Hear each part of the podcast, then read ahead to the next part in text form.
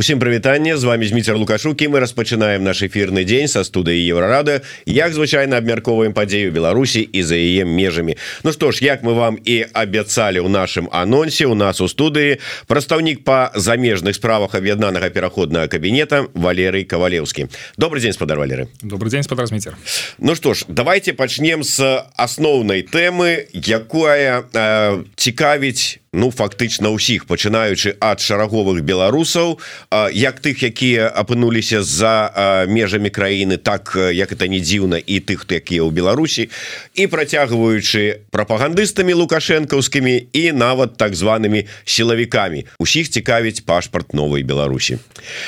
Давайте пачнем з самага такого актуальнага дакладней то что выклікала спрэчкі на мінулым тыдні. Заява про тое хто найперш будзе атрымліваць гэты пашпарт. Але давайте що ж таки для самага пачатку калі ж нарэшце яго будуць атрымліваць мы чакаем что матэрыялы для вырабу документаў з'явятся у вільні на пачатку сакавіка 10 у першай дэкадзе Ну скажем до 10 сакавіка. Некалькі матэрыялы для вырабу умоўна кажучы адмысловая папера вообще все что не неабходна. Это обложки гэта чипы гэта спецыяльныя ніці якія укладаюцца то там вельмі шмат элементаў бяспекі якімі павінны насычацца гэтыя документы фактычна гэта такое лего якое трэба скласці і зрабіць з яго сапраўдны документ бо пашпарт сучасных это вельмі вельмі тэхналагічны насамрэч прадукт дзе шмат тэхналогій дзе шмат своеасаблівых таких элементаў.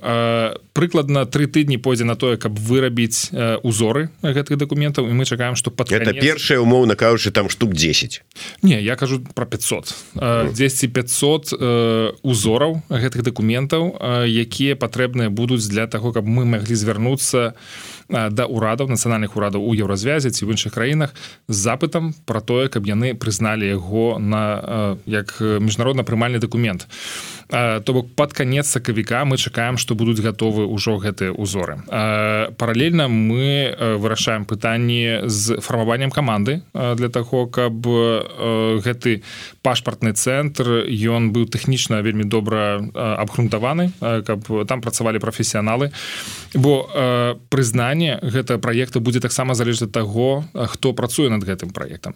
Мы знаходзімся у вельмі такой незвычайнай сітуацыі у тым сэнсе что любы пашпартны цэнтр міністэрства ўнутраных справ любой краіны можа ў любы момант выдаць новы документ ён будзе апрыёры прызнаны тому что ёсць дзяржаўнае прызнанне. Міжнароднае прызнанне той дзяржавы якую прадстаўляе гэты гэты орган выдачы. Мы не маем такой раскошы то бок нам трэба рабіць кожны крок і рабіць яго так вельмі грунтоўна і даказваць что сапраўды нам можна давяраць. Або тут пытанне даверу будзе абсолютно крытычным. Я кажу про тое что 99 процентов поспеху гэта пашпартнага проекту залежыць ад таго ці будуць яму давяраць ці не.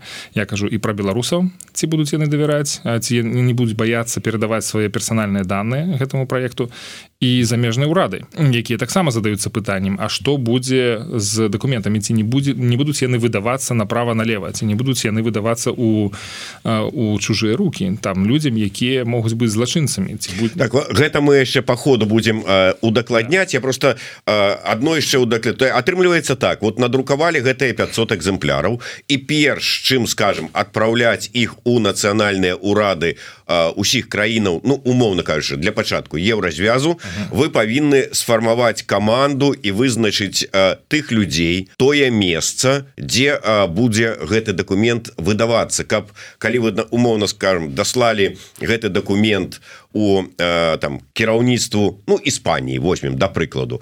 А яны вам кажуць ну документ прыгожы ну документ добры якасны але дзе вы яго будете выдаваць? І вы кажаце Ну мы вырашым гэтае пытанне А вот калі вырашыце тады мы поставім пытанне на э, там узгадненне ці прызнаваць ці не прызнаваць то есть вы хочетце пакетам адразу каб было сказать А у нас ужо ёсць А вот гэта вот калі ласка менавіта так. Нам трэба будзе патлумачыць і міжнародна-правы бок гэта пашпарта чаму гэтае прызнанне патрэбнае чаму ёсць падставы для міжнароднага прызнання гэтага документа нягледзячы на тое что таких прэцэдэнтаў раней не было.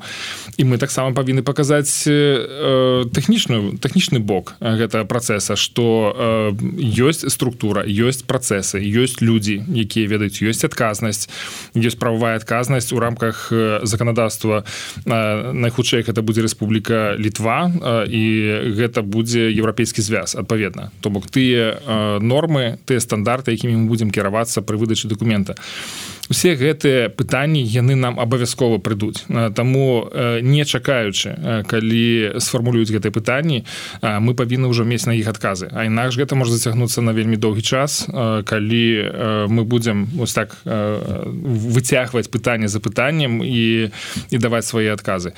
В наших інтарэсах зрабіць гэта як наймага хутчэй але мы таксама разумеем что бачым на сённяшні дзень что гэтыя працэсы не ідуць так хутка як нам хацелася таким чынам вот над стварэннем гэтай каманды якая будзе займацца выдачай вы уже працуеце?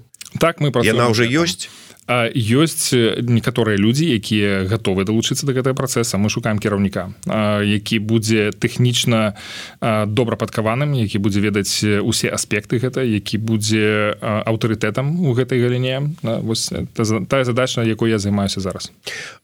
Умоўна кажучы якія якімі ну прафесійнымі здольнасцямі ведамі павінен павінны сябры гэтай каманды валодаць і сяброўкі. Ну і найперш тады кіраў кіраўнік вот что ён павінен ведаць Ну здаецца кіраўнік пашпартна стола стола. Что ён робіць там? Подпіс у пашпарце свой ставіць Ну э, тут сыходзім з таго что найперш гэты орган выдачы ён будзе заключаць пагадненні з падрадчыкамі для того каб атрымліваць пэўныя паслугі. Гэта і верыфікацыя гэта і друг документаў бо у нас не будзе свайго абсталявання конечно каб друкаваць документы у нас не будзе таких аб'ёмаў каб нам трэба было закупаць абсталяванне.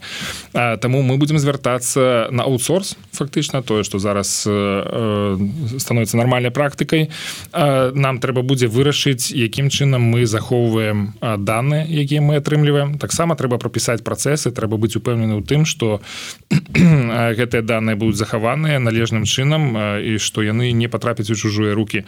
Таму кіраўнік напрыклад гэта прадпрыемства будзе менавіта вызначаць архітэктуру усяго прадпрыемства з кім мы працуем весці перамовы пра пагадненні якія мусяць быць заключаны з нашими падрадчыкамі на якіх умовах вызначаць таксама і эканоміку прадпрыемства. Бо мы разумеем что тут трэба будзе прыцягваць значныя сродкі для того каб запусціць усе гэтыя працэсы. Прынцыпе мы разлічваем на тое что яно будзе самапрыбытковым то бок яно будзе сябе забяспечваць у у працэсе калі ўжо пачнецца выдача пашпартоў калі людзі будуць звяртацца за гэтай паслугай то гэтае прадпрыемства павінна быць самадастатковым у гэтым сэнсе. Это не будзе дармовая нейкая там паслуга. Гэты пашпарт будзе каштаваць грошы ён будзе каштаваць грошы канешне і цяжка сабе ўявіць каб мы дазволілі сабе такую раскошу каб выдаваць гэтыя пашпарты бясплатна. Мы можам меркаваць по тым як колькі каштуюць новыя документы напрыклад атрыманне ці внж ці пмж ці пашпарт. Вось такія паслугі у тых краінах дзе мы зараз знаходзімся. Мы кажам тут про досыць значныя сумы. І гэта гэтыя грошы а яны показваюць что гэта тэхналагічна вельмі складаныя інструменты сённяшнія ідэнтыфікацыйныя документы і что ёсць цэлы цэлы набор дзеянняў які які трэба зрабіць каб выпусціць гэты документ таму так будзе абавязкова плата Ну глядзіце глядач под нікам нік так і піша. Кому увогуле цікавы пашпарт? Зміцер і валеры спыніце дэмагогію. Гэта просто смешна А я вось учора глядзеў скажем апошні выпуск праграмы часікі цікаюць Я дома як які вядуць тры сувядоўцы Артём шрайбман ргор астапене і Женя сугак их пастаянная тэма А калі тычыцца з размова заходзіць про пашпарт гэта словы про тое что ну тут вот астапене ўжо як самы старэйшы пойдзе з жыцця мы там са шрайбманам сівеем а і будемм разважаць калі ж все ж таки побачым пашпарт новой Беларусі Вось такое стаўленне да. патлумачце все ж таки наколькі яно распаўсюджана і можа вы вот самі прыдумалі для сябе прыгожую нейкую карцінку і вот з ёй носіцеся умоўна кажучы а насамрэч это нікому не цікава. Ну мяне вельмі ўразіла версія якую там у адной з перадач выказаў Артём шрайбан что э, я адмыслова выдумаў гэты праект як спроба палітычнага суіцыду. Э, каб у некаторы час сказаць мне не атрымалася я сыхожу там у даруце э, Ну вось ёсць ёсць розныя версіі ёсць розныя сцэнары. Э, я б конечно не хацеў дайсці до того моманту калі э, мы прызнаем что э, пашпартны проект не атрымліваецца что ён не ўзлетае что яго няма перспектывы э, я на сённяшні дзень бачу что сапраўды перспектыва ёсць хотя подкрэсліваю кожны раз что гэты рызыкі вельмі вельмі высокія у проекта але ён нарадзіўся не таму что ён патрэбны аб'яднанаму пераходнаму кабінету ці Светлана ціхановская асабіста.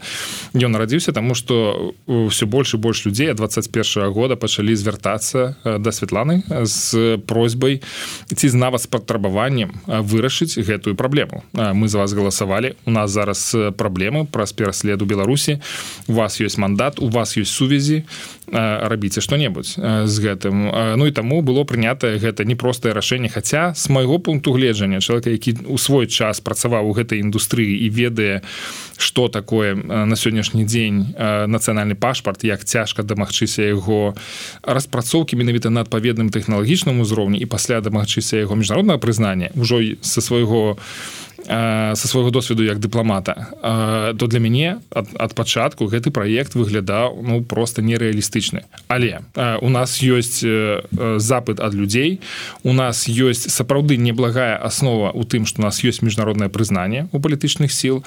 У нас ёсць доступ да выдатных экспертаў спецыялістаў ёсць народная воля таму ёсць чым працаваць. І так мы не будзем казаць не тады калі мы можемм паспрабаваць і зрабіць гэта. Я так разумею что одна будзе команда якая будзе адказная за выдачу гэтую документа хоть гэта яшчэ пакуль у перспектыве але ну гэта будзе некае одно месца дзе вот яны умоўно кажучы там пашпартны стол новой Беларусі у адным месцы. Дзе гэта будзе? Ўжо вырашана? Вядома что гэта будзе вільня. Гэта будзе менавіта в літоўскай рэспубліцы распрацоў орган сам выдачы будзе знаходзіцца там. Але мы зараз яшчэ думаю наколькі это бяспечна сыходзячы з апошніх падзеяў і трендаў узаемаадносінаў паміж вот Я думаю у гэтых трендах і ўзаемаадносінах не, не нельга забывацца на тое колькі літва надае дапамогі беларусам якія прыязджаюць на розных узроўнях і міграцыйных пытаннях і палітычных пытаннях і ў пытаннях салідарнасці. Таму так ёсць нейкія ёсць нейкія эпізоды ёсць нейкія падзеі якія могуць ствараць такое ўражанне што крызіс настаў. Але насамрэч мы памятаем про тое што літва вельмі шмат робіць для беларусі і в гэтым сэнсе таксама для нас это бяспечнае месца для того каб реалізоўваць нават такія смелыя проекты А таму так это будзе знаходзіцца ў літве але ты не менш мы таксама думаем про то якім чынам стварыць умовы для падачы документаў на атрыманне пашпарта за па-за межамі не толькі літвы не але таксама еўрапейская звязу і паўночнай Амерыцы. На сённяшні дзень тут інфармацыйныя тэхналогіі яны дазваляюць распрацаваць такія алгарытмы калі можна будзе гэта рабіць я так думаю это все яшчэ распрацоўцы але рабіць гэта дыстанцыйна рабіць гэта самых розных краін. І не толькі напрыклад з паўночнай Амерыкі там а можа быць і з, з больш аддаленых краінаў. Але мы конечно зацікалены ў тым каб гэты пашпарт ён разыходзіўся як мага шырэй бо гэта не просто сімвал гэта рэальны практычны інструмент. Мы маем сімвалы сцяга і герба беларусі нацыянальныя якія нас аб'ядноўваюць. Менавіта на эмацыйным узроўні але цяпер можа быць пашпарт у якім ёсць і сімвалы але ёсць таксама і практычны бок якім можна карыстацца атрымліваць візы перасякаць мяжу показваючы яго ты показваеш ты прыналежш да беларускай нацыі. І крытычна важна захаваць нашу суб'ектнасць дзе б мы не знаходзіліся. Мы разумеем что беларусы пераязджаючы вымушана але ты не менш пераязджаеш у замежныя краіны вельмі хутка становіцца на, на шлях інтэграцыі у новае грамадства. І гэта азначае что людзі могуць паступова паступова стварацца у гэтым у гэтым новым асяроддзі. Мы не хацелі б гэта дапусціць пашпарт гэта будзе тое што будзе нас злучаць замацоўваць нас як супольнасць. Дзе б мы не знаходзіліся бо Беларусь існуе там дзе існуюць беларусы. І гэты пашпарт ён пацвярджае гэта что так нам не все одно мы хочам мець менавіта такі документ на руках. І так мы настойваем на тым каб ён быў прызнаны каб ён быў сапраўдным і з, з іншага боку калі развернуць гэты стол на 180 градусаў там сидзіць лукашенко. І лукашенко разумее что вось ён спрабаваў гэтую звычайную дзяржаўную функцыю выдачы документаў беларусам ператварыць у рэпрэсійны інструмент. і ён спрабуе і зараз у яго это атрымліваецца сапраўды. Але мы можемм сказаць не такого не будзе. Па-першае мы забіраем гэтую функцыю сабе і мы будзем забяспечваць документамі беларусаў. По-другое мы адбіраем гэта ў цябе і забіраем у цябе твою суб'ектнасць на якую ты все яшчэ разлічваеш что ты адновіш. Это быў бы наймацнейшы удар по лукашэнку по яго рэжыму. Гэта быў бы падрыў яго міжнароднага статусу. Таму тут ёсць вельмі вельмі шмат прычын рухацца далей далей з гэтым пашпартам прызнаваць гэты пашпарт выдаваць гэты пашпарт. І няма ніводнай прычыны каб адмовіцца ад гэтага проекту але давайте э, ну я разумею что казаць вось дакладна там э, по днях не тым больш там там у 1800 такого-то числа такого-то месяца такого-то года э, будзе у нас тое. Але хотя б прыблізна вот вы сказали что на пачатку сакавіка прыйдуць усе неабходныя матэрыялы каб пачаць друг э, друг зойме э, тры тыдні то есть ну улічваць улічваючы до конца сакавіка так. а потым якія этапы на які тэрмін умоўно кажучы калі вы пачынаеце калі заканчиваеце фармаванне команды якая будзе займацца выдачай калі пачынаеце рассылку гэтых пашпартоў по нацыянальных mm -hmm. урадах і э, ну прыблізна калі першы пашпарт за нумаром 001 будзе выданы атрымальніку um, я не, не буду распісваць усе гэтыя этапы іх вельмі шмат тое что нават вы пералічылі але я думаю что прыкладна под конец лютага павінна быць уже сфармаваная команда гэта вельмі важно і как бы это зрабіць як мага хутчэй.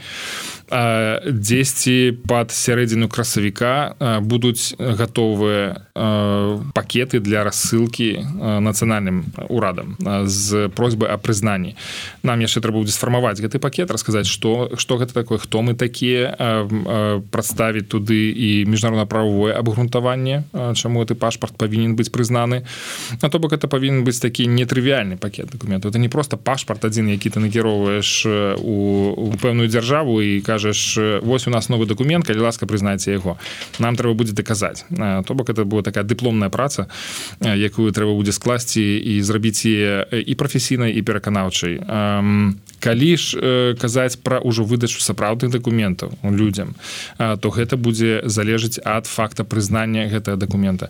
Калі мы будзем мець хаця б одно дзяржаўнае прызнанне гэтага дакумента тады, тады у нас будуць ужо ну, рэальныя магчымасці абгрунтавання чаму мы можам іх выдаваць. Або вы можете карыстацца ім калі вы схочце паехаць у тую краіну якая ўжо яе прызнала звяртацца за візы і гэтак далей. а мы таксама думаем что калі першы прэцэдэнт ён будзе першы крок першае прызнанне будзе самым складаным. Яго трэба будзе дамагчыся і ён будзе сам складаны кожны наступнае прызнанне будзе прыходзіць трохі лягчэй. Бо для дзяржаў вельмі важна мець прэцэдэнт. Яны не хочуць быць першымі. Вельмі часта краіны устрымліваюцца ад гэта.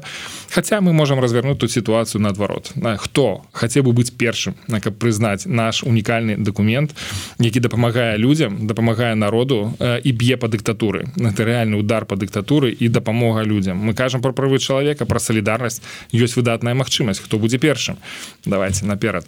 А, ну гэта скажем так ужо мастацтва маркетынгу прадстаўлення дыпламаты ну але я таксама по-ранейшаму бачу тут пэўную прастору для того каб дамагчыся правільнага для нас рашэння.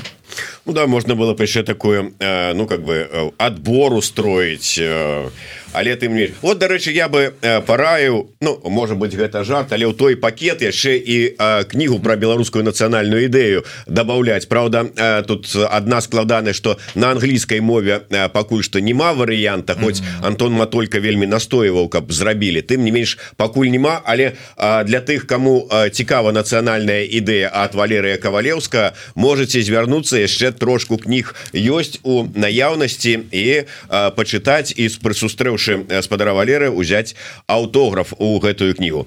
А, так спадар Валер былі пытанні з нагоды яшчэ звязаныя з гэтым пашпартам але вы агучылі неяк тыдзень таму хто будзе першы мець магчымасць атрымаць гэты пашпарт. Прогучалі словы про тое что хто ўжо легалізаваўся прайшоў працэс легалізацыі у краінах у якіх ён зараз знаходзіцца і гэта шмат каго абурыла. Маўляў людзі і так маюць маюць ужо документы а пашпарт найперш патрэбны тым у кого менавіта вот ёсць праблемы ну, не тое что с легалізацыя няма документаў на руках. А что вы откажете вот все ж таки можа перагледзелі гэтую позицию тут найперш нам трэба думаць про тое як будзе прызнавацца гэты документ як ён будзе ўспрымацца замежнымі дзяржавамі.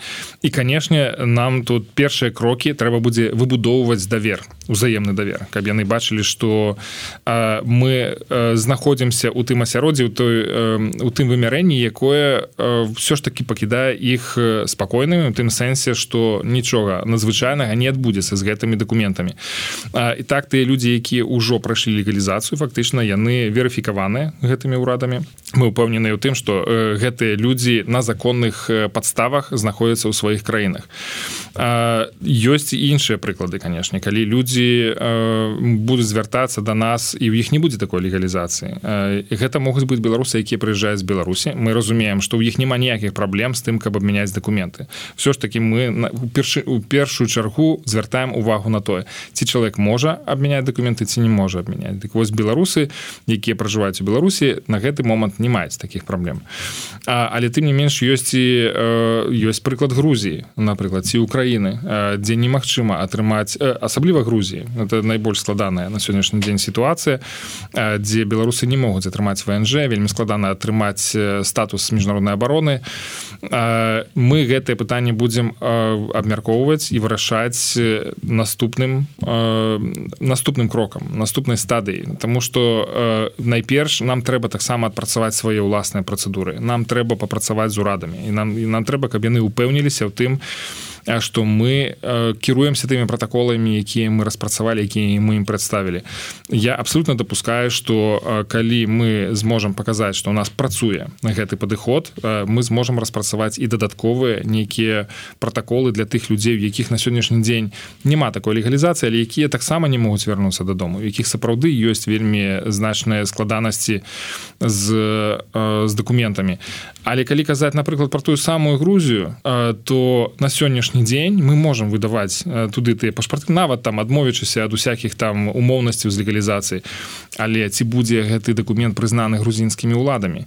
Ці пры перасячэнні грузінскай мяжы калі беларус прадставіць гэты дакумент э, дазволіць ему выехаць ці не? І тут на першы план выходзіць вось вся гэтая э, беларуская супольнасць якая жыве ў самых розных краінах. а кампанія по прызнанню документа будзе абавязкова суправаджацца дзеяннямі дыаспоры прынамсі мы на гэта разлічваем то есть прынцыпе я так патлумачу прынцыпе ну чисто тэарэтычна няма праблемы а, там чалавека верыфікаваць калі які а, ну умоўно кажучы быў тэрмінова эвакуяваны з Беларусі але не маючы візы ён прыехаў у Грузію зараз у, з Грузіі ён там ну альбо там документы скончыліся альбо ён хоча з'ехаць далей у еўразі развяз а візы атрымаць не можа. То есть дать та ему можна документ. Так. а потым ён прыязджае праходзіць там садиться на самолет а грузінскі памежнік ему кажа что это за документ? А я пачаў бы нават з таго моманту что человеку трэба будзе з гэтым документам ісці і атрымліваць візу. Допустим гэта павінна быць шенгенская віза напрыклад Германії там ці ці Польши і у польскай амбасадзе не прымуць гэты дакумент пакуль ён не будзе прызнаны Польшчай і туды не ўклеяць гэтую візу адпаведна без візы вы не можете сесці на самолет. Вы не зможете купіць набыць квіток вы не зможете перасекчы мяжу грузінскую перад пасадкай на самолет. а А так что тут трэба будзе прайсці вельмі шмат этапаў. Я таксама разумею і заклапочанасць гэтым пытанням з тых з боку тых беларусаў якія на сённяшні дзень не маюць легалізацыі в якіх вельмі тэрміновая патрэба ў вырашэнні гэтай праблемы ну, прынамсі ў Грузіі гэта так. А, ну але тым не менш мы, мы павінны разумець што да гэта павінна прайсці вельмі шмат этапаў у тым каб мы дамагліся гэта прызнанне самым рознымі краінамі. І тут насамрэч у дыяспары ёсць магчымасць паўдзельнічаць у гэтым працэсе працэсе так уключацца ў гэтую кампанію рабіць гэты пазітыўны ціск на свае ўрады прасіць іх аб прызнанні казаць мы тут живвем мы падаткаплацельшчыкі мы выконваем законы у нас ёсць праблемы з нашымі правамі свабодамі дапамажыце нам вырашыць яе гэта ў ваших руках Э, ну так сапраўды. Э, добра значится не такое ўжо гэта і прынцыповае пытанне але калі кажам про верыфікацыю уже не один раз прогучала гэтае слово вот у мяне былі прадстаўнікі белпола я ім задаваў пытанне ці могуць яны займацца вось гэтымі пытаннямі верыфікацыі для пашпартнага стола. Сказали ну тэоретычна можем но ніхто не звяртаўся і гэтак далей. Ці гэта ўсё ж таки павінна быць нейкая сапраўды ну дзяржаўная структура краіны краіны у якой ну напрыкладу знаходіцца той же самы пашпартны стол. Літвы ці як это?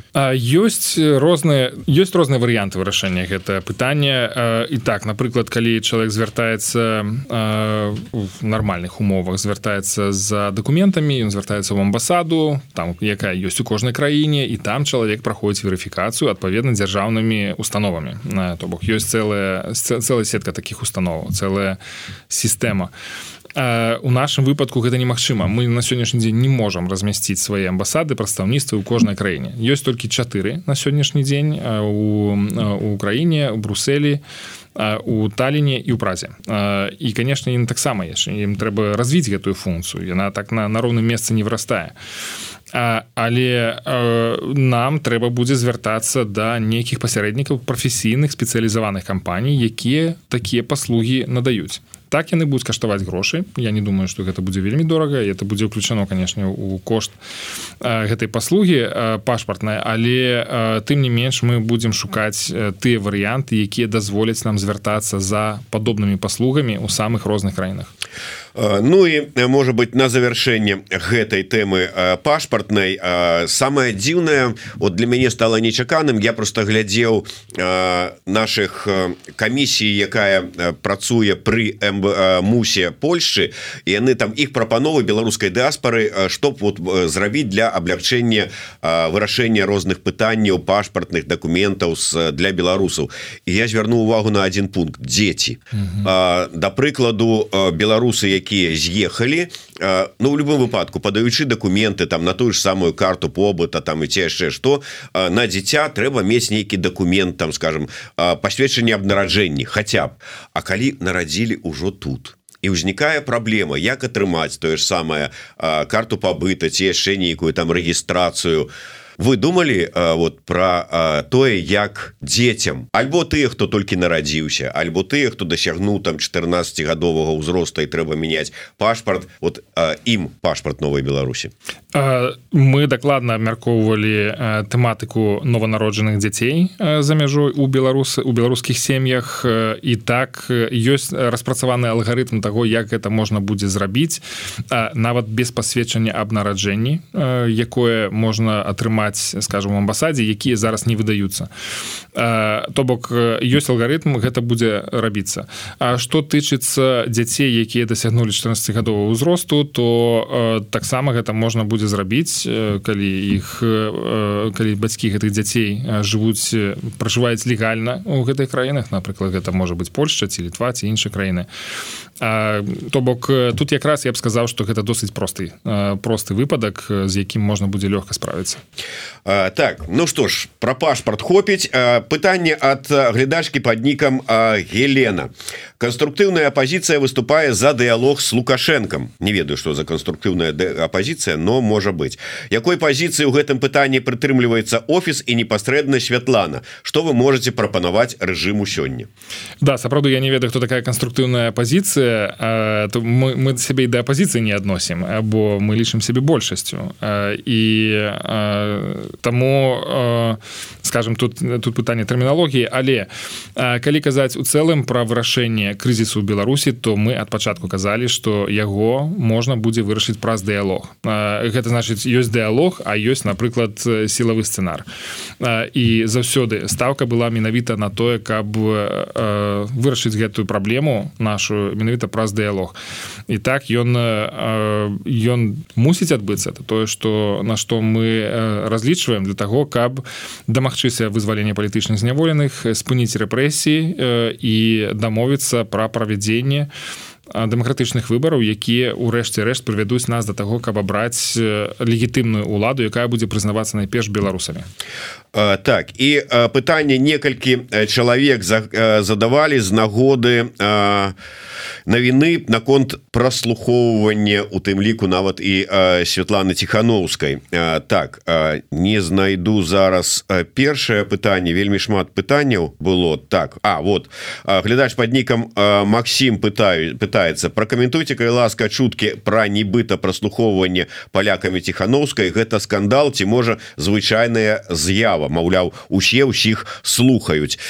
Ну і тая ж самая Елена таксама пыталася на гэтую тэму і пыталася ці паўплывае гэтая навіна на адносіны дымсіл беларускіх с урадам Польшчы. Ну я думаю адназначна что гэта не паўплывае на на адносіны. І зараз адбылася змена ўрада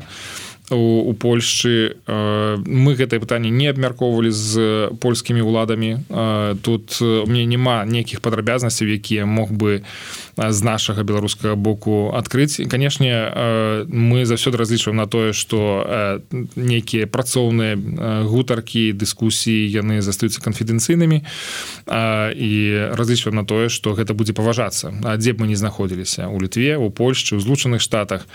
Таму тут у гэтай сітуацыі я пакінуў гэта пытанне менавіта польскаму боку Таму што у іх ёсць увесь аб'ём інфармацыі якога няма на сённяшні дзень у нас. Uh, так не, не пачытаю зараз гэтае пытанне пакуль можа быть пазней.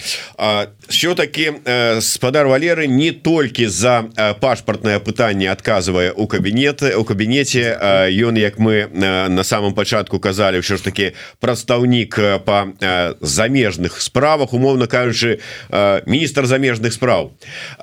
Таму давайте як міністр замежных спраў расскажите кай ласка про тое что вы чакаеце якіх зменаў у адносінах адносінах с Украінай дакладней с афіцыйным Киевом пасля того як ўсё ж таки яны зацвердзілі гэтую новую пасаду. Яна называется не так як у астатніх краінах не спецпрадстаўніка посол по асаблівых даручэннях ім стаў Ігор кізім чаго чакаеце?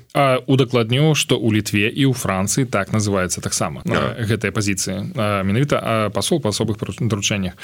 Канешне гэта гэта тое чаго мы чакалі вельмі давно тут я аддаю належнае экспертнай супольнасці Украіне якая подняла гэтае пытанне. Яны зрабілі адмысловы зварот да прэзідэнта зяленскага з прапановай зрабіць такое прызначэнне. І мы бачым што на гэта рэакцыя прыйшла досыць хутка. Літаральна паўтары-два месяцы прайшло ад моманту звароту да прыняцця гэтае рашэнне. Мы верым у тое што патэнцыял наших адносінаў вельмі значны. У нас агульная праблема. Яна яна вельмі сур'ёзна яна для нас экзістэнцыяльная і каб з ёй спраўляцца эфектыўна нам трэба рабіць гэта разам мы з, з беларускага боку мы вельмі шмат рабілі каб падтрымаць украіну у гэты момант каб дапамагчы абараніцца ад рассіі каб дапамагчы мабілізаваць міжнародную дапамогу. Разам з тым мы бачым что Украіна таксама выказывала сваю зацікаўнасць у тым каб Беларусь была дэмакратычнай вольнай краінай і гэтая палітыка яна зразумела яна застаецца нязменнай але разам з тым трэба нейкія практычныя рухі некія дзеянні для таго каб пацвярджаць што сапраўды гэта так. Што менавіта тая Беларусь якая стане вольнай еўрапейскай дэмакратычнай яна не стане больш не будзе пагрозай для Украіны. Для гэтага трэба дзеянні. І гэтыя дзеянні я спадзяюся што мы будзем распрацоўваць разам са спадаром кізімам. Наколькі настроены і налаштаваны на такую супрацу сам пасол па асаблівых даручэннях Украіны Ігор кізім Я спадзяюся мы даведаемся заўтра по папярэдняй дамоўленасці спадар Ігар прыйдзе до нас у эфир у аўторак зараз удакладняемся наконт часу але папярэдняя дамоўленасць ёсць Вадзім вот глядач под нікам Вадзім нават баюся падумаць что той гэта Вадзім про якога я подумаў ці не тым не менш пытается на мове оригинала читаю пытанне КГБ Беларуси на прошлой неделе участвовали в сборе спецслужб всего мира и заявили что получили согласие на взаимодействие с Великобританией США Францией и другими напрямую в обход правительств. Может ли это повлиять на безопасность белорусов за границей которые участвовали в, в протестах? Со спецслужбами каких стран взаимодействуют офисы кабинет мы не ўзаемадзейнічаем са спецслужбамі мы працуем з палітычнымі структурамі гэта першы адказ другое мы зараз мы звярнулі ўвагу на гэтую публікацыю Я думаю что тут прапаганда спрабуе выдаць вельмі шмат з таго што ім хацелася б за рэальнасць і я я маю пэўныя сумневы ў гэтым сэнсе але мы зараз абмяркоўваем гэта з партнёрамі каб высветліць што гэта азначае але я ну ну маю вельмі вельмі глыбокія сумневы у тым што хтосьці на сённяшні дзень у здравым розуме будзе супрацоўнічаць са спецслужбамі лукашэнкі на якіх кліма не мадзе ставіць. Бо гэта вельмі сур'ёзныя рэпутацыйныя страты для для таких ну рэальных спецслужб. Для паліцыі ці для спецслужб нацыянальных дзяржаў які кіруюцца законам. У беларусі спецслужбы не кіруюцца законам. Яны кіруюцца капрызамі лукашэнкі ці капрызамі колі лукашэнкі іншых людзей карпянкова. І таму ну няма ніякага даверу да гэтых людзей. Ім ужо вынеслі столькі вердыктаў про тое хто яны такія. Толькі адзінае што нам яшчэ трэба дамагчыся каб прызнаць іх тэрарыстычнымі арганізацыямі менавіта спецслужбы беларусі. Ну але супрацоўнічаць з імі я абсолютно не не думаю что гэта рэалістычна. Пытаются ці прыгадываюць нам памятаеце два месяцы таму ці троху болей ўжо праходзіў у Киеве канферэнцыі якую арганізоўвалі каліноўцы і скончылася на тым что ну не подпісалі выніковыя документы Маўляў подпішем пазней не подпісаў і АПК і офіс вось пытаются два месяца. Рада. Да і коорднацыйная рада. Ну хотя егораў там быў там яны вырашалі что мы типа яшчэ мусім гэта ўсё правесці праз працэдуру здаецца і вольная Беларусь таксама не подпісала Ну можа быть але адкажыце за тыя структуры з якімі вы маеце наўпроставыя контакт это як АПК і офіс наколькі мне вядома а сапраўды пытанне трошки сышло ўжо на задні фон але наколькі мне вядома была дамоўленасць про тое что будуць абмеркаваныя нейкія нюансы по гэтых документах будуць адказаныя нейкія пытанні з абодвух бакоў Ну і пасля будзе прынятае рашэнне ці подписывать ці не. Я не памятаю такого каб было дадатковае абмеркаванне нейкіх нюансаў да гэтых документаў іх просто не было то бок сам працэс не аднавіўся працэдура гэтая не была рэалізаваная так як яна задумвалася. Там на сённяшні дзень пытання сышло на другі план. Я б хацеў з вами яшчэ абмеркаваць пытанне звязанае з сітуацыяй вакол би2 музыкамі. Але з двух нюансаў.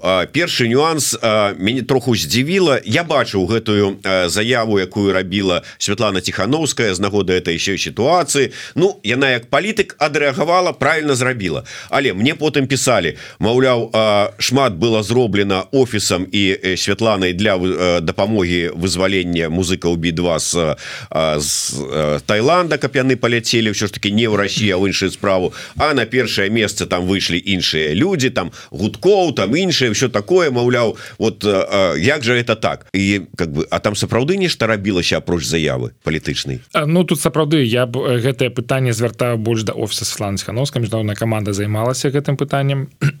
Ну але мы бачым нават па гэтых афіцыйных паведамленнях ад би2 что туды былі ўключаны вельмі розныя і людзі і структуры і пры гэтым даволі уплывовыя напрыклад дзяж дэпартамент злучаных штатаў міністэрства замежных справ Ізраіля міністэрства замежных справ Аўстраліі амбасады дыпламаты юрысты нейкія вядомыя асобы якія выступаліся расіяне туды паляцелі цэлы дэсант туды высадзіўся мы бачым что вельмі шмат людзей удзельнічала рознымі ресурсамі і хтосьці падтрымліваў псіхалагічна хтосьці арганізацыйна хтосьці юрыдычна. Ну і ўрэшце рэшт гэта атрымалася зрабіць. То бок кажам дзякую усім за тое что было зробленае. Я упэўнены что унёсак ад светланскановская асабіста і ад офіса ён быў значным Мачыма невырашальным але тым не менш важно было тое что гэтая спроба была зроблена гэтыя дзеянні не паскупіліся ОСТ на тое каб аказаць дапамогу гэтым людям і у працяг гэтай тэмы ўсё ж таки вы міжнароднымі гэтымі ўсімі справамі займаецеся уявім сабе сітуацыю. У такой вот сітуацыі як би2 апынуўся ну нават не шараговы беларус які паехаў на адпачынак у Таиланд Ну а умоўна кажучы у гурт вольскі ці будзе такая ж магчымасць такая рэакцыя і як абараніць інтарэсы беларусаў у такой сітуацыі? Абсолютно так. Я думаю что і гэтая рэакцыя была б значна мацнейшая і больш прадметная. І мы зрабілі бы ўсё что трэба зрабіць каб дапамагчы людзям у гэтай сітуацыі.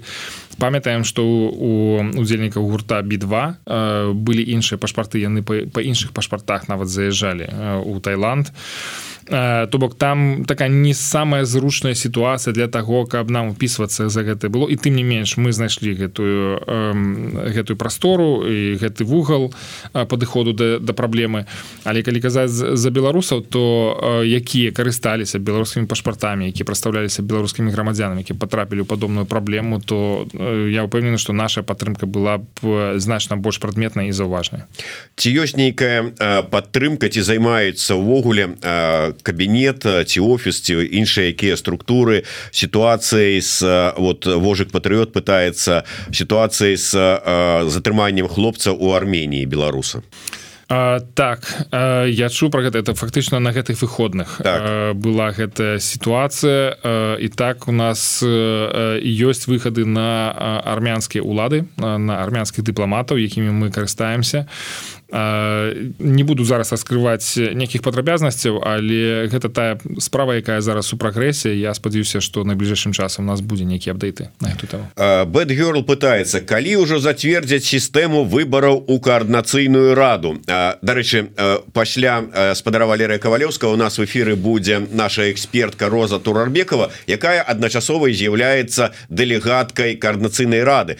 Спытаемся у яе гэта таксама але тым не менш я чаму чаму вырашыў вам гэтае пытанне скіраваць у тым ліку тому что пишутць КР сцвярджае что АПК не хоча зацверджваць сістэму выбараў что адбываецца? Не ну, правда ці неправда? гэта конечно трэба спачатку цытату от таго чалавека які такое гаворыць бо у нас ідуць перамовы ад верасня месяца мінулага года мы абмяркоўваем гэта з каранцыйнай радай і з са спікерам егоровым іншыя людзі таксама ўключаны гэтую гэтую размову.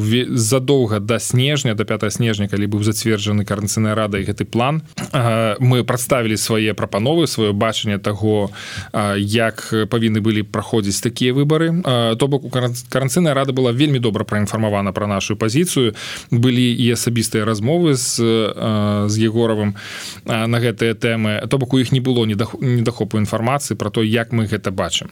На сённяшні дзень ідуць такія вельмі сістэматычныя перамоги перамовы у рамках упаўнаважанай працоўнай групы дзе мы абмяркоўваем літаральна пазіцыю за пазіцыю параметр за параметрам таго як павінна выглядаць гэта электаральная сістэма. Ёсць прагрэс ён не такі хуткі як нам хацелася б. Я думаю что у пэўным сэнсе на той факт что каранцыйная рада сканчвае сваю кадэнцыю 8 лютага ён павінен прыспешыць гэтыя працэсы. Хацелася б каб мы ўсё ж такі скончылі гэтую працу менавіта да сканчэння гэтага тэрміну.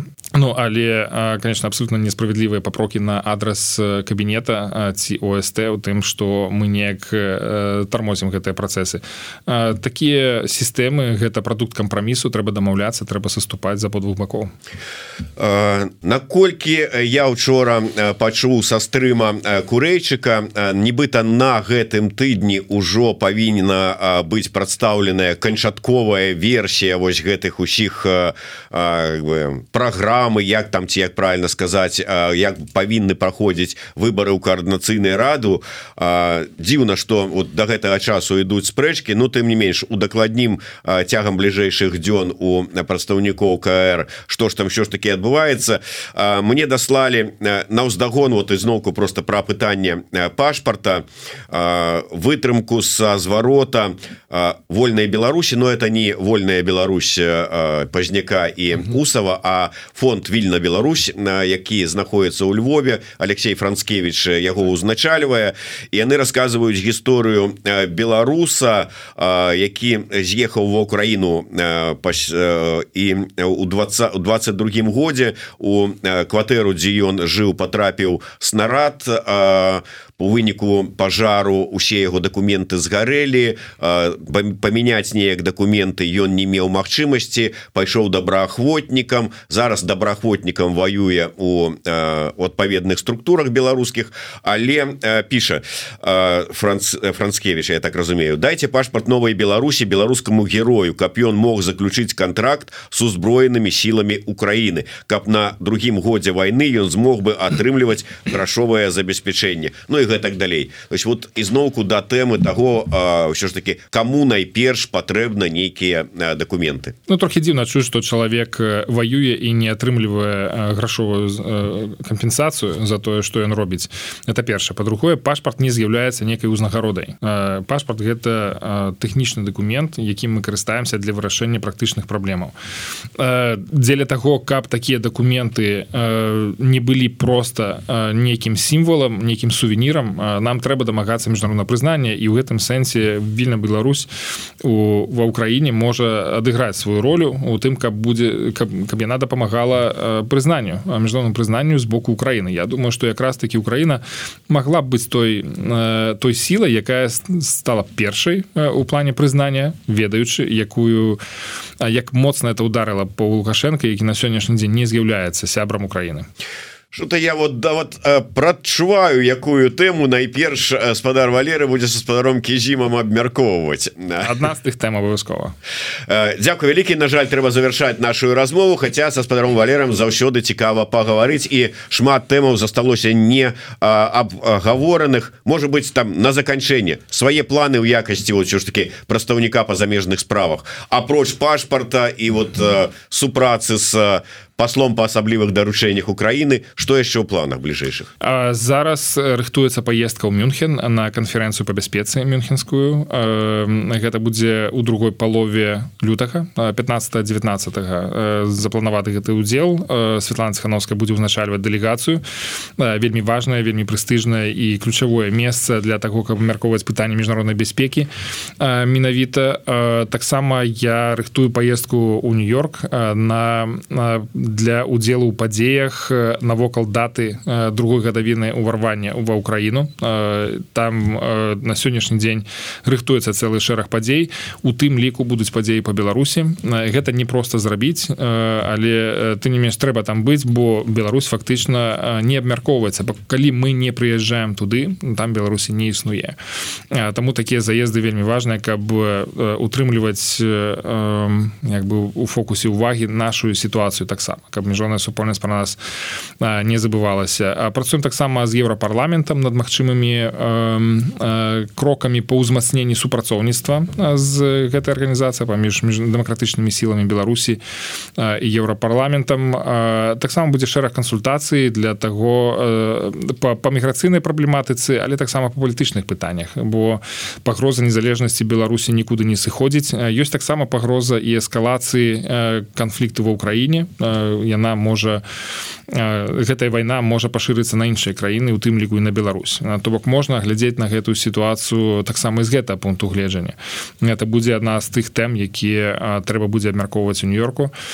Ну вось такая досыць актыўная фаза будзе. Это толькі пачатак нашай працы ў гэтым годзе. Будзем інфармаваць праз камунікацыйную службу кабінета і праз наше прадстаўніцтва про тое што мы робім Антон піша Валер Дякуй лідал аі лід аі Дякуй за размову пытанняў яшчэ больш. Жыве Беларусь мадамы Дякуй але адказы трошки плаваюць Ну што ж дыпламат усё ж такі спадар Валер да. по адукацыі Ну івогуле і цяпер по займаемай пасадзе але ты не меш будем працягваць запрашаць яго до нас у эфиры каб выцягваць з гэтага хітрушчага дыпламата адказы праўдзівыя і канкрэтныя конкретные. Я буду стараться дзякую і мы будем стараться. Дякую вялікі ўсім слухайте подписывайтеся жыве Беларусь. Жыве вечна